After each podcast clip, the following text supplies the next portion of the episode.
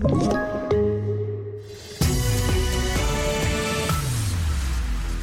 TV4-nyheterna börjar i Afghanistan för nu kommer uppgifter därifrån om att flera personer dödats vid flygplatsen i Kabul, det rapporterar Reuters.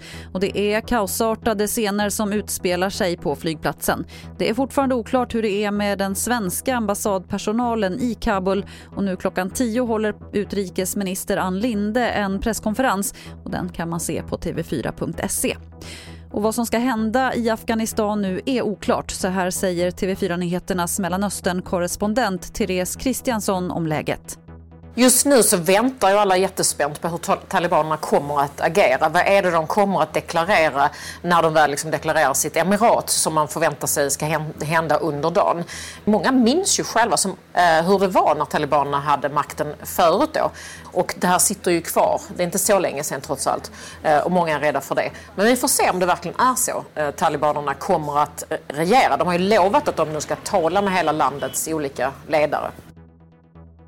Och vi avslutar i Rydboholm utanför Borås där det varit skottlossning under morgonen. Larmet ska ha kommit in vid halv åtta-tiden och en stor polisinsats pågår på platsen. Det finns i nuläget inga uppgifter om skadade.